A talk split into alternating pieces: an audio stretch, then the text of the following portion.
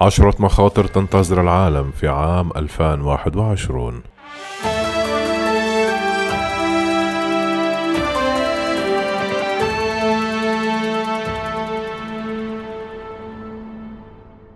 ودع العالم الأسبوع الماضي سنة 2020 العصيبة والتي شهدت تفشي فيروس كورونا ومعاناة الدول اقتصاديا وصحيا.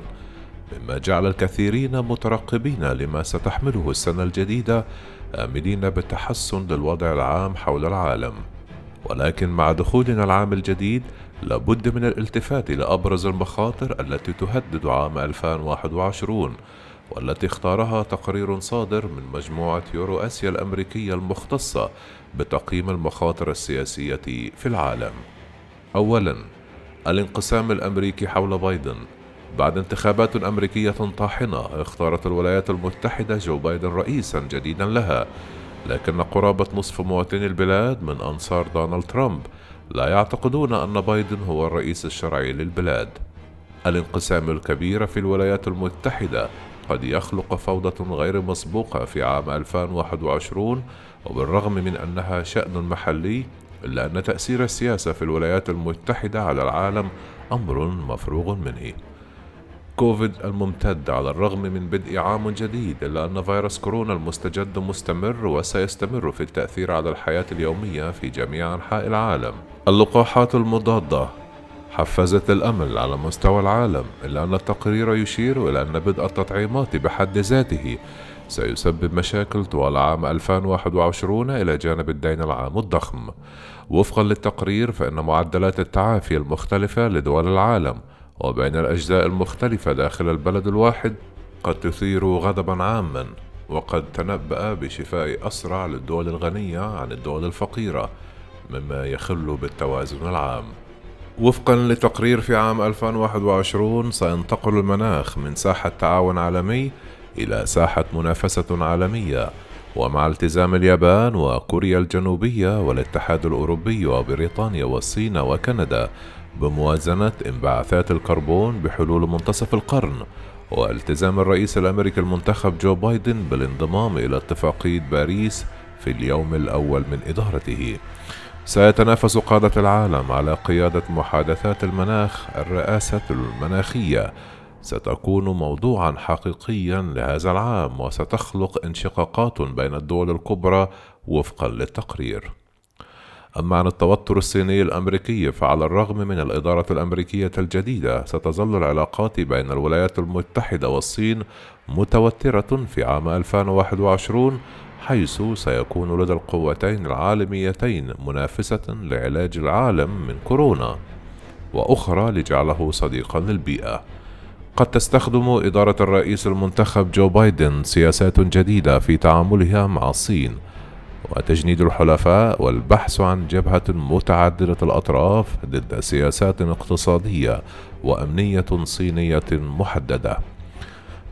متأثرة بالمنافسات بين الولايات المتحدة والصين سيستمر الضغط من أجل فرض قيود على مشاركة البيانات الشخصية للأفراد في عام 2021 ومن ناحية أخرى ستظل التوترات بين سياسة البيانات الأمريكية وشركاتها الضخمة وتركيز أوروبا على السيادة الوطنية سائدة في عام 2021 الأمن الإلكتروني في خطر.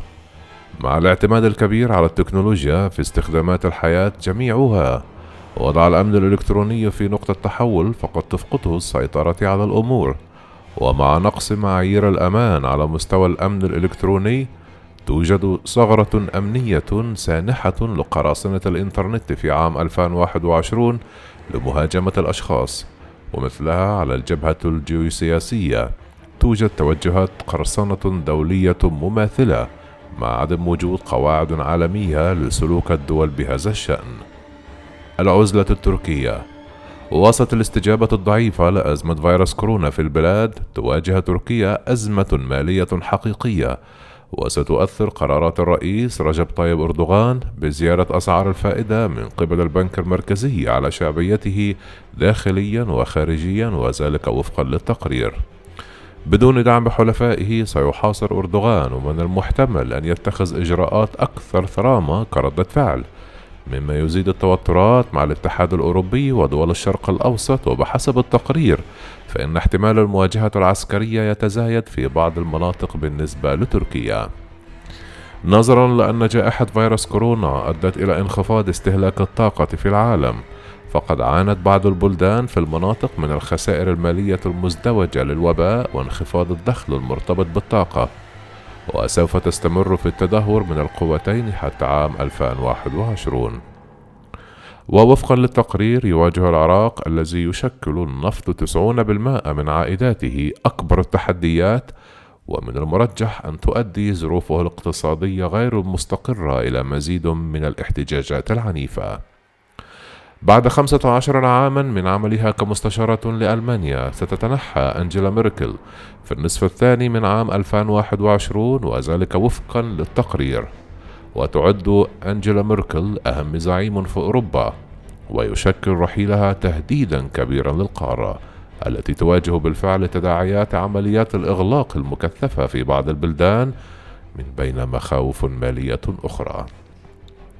أما عن أمريكا الجنوبية وذلك وفقا للتقرير لن تكون اللقاحات واسعة الانتشار متاحة بسهولة حتى النصف الثاني من عام 2021 في أجزاء كبيرة من أمريكا اللاتينية حيث سيكون الموجة الأخرى من فيروس كورونا آثار دائمة على الاقتصادات المترنحة بالفعل. إلى جانب الانتخابات المقبلة فإن بلدانا مثل الأرجنتين والمكسيك والإكوادور وبيرو وتشيلي التي عانت من تدهور مالي كبير معرضة بشكل متزايد للخطر ومن المرجح أن يتضاءل الإنفاق على السياسات المتعلقة بالخدمات الاجتماعية.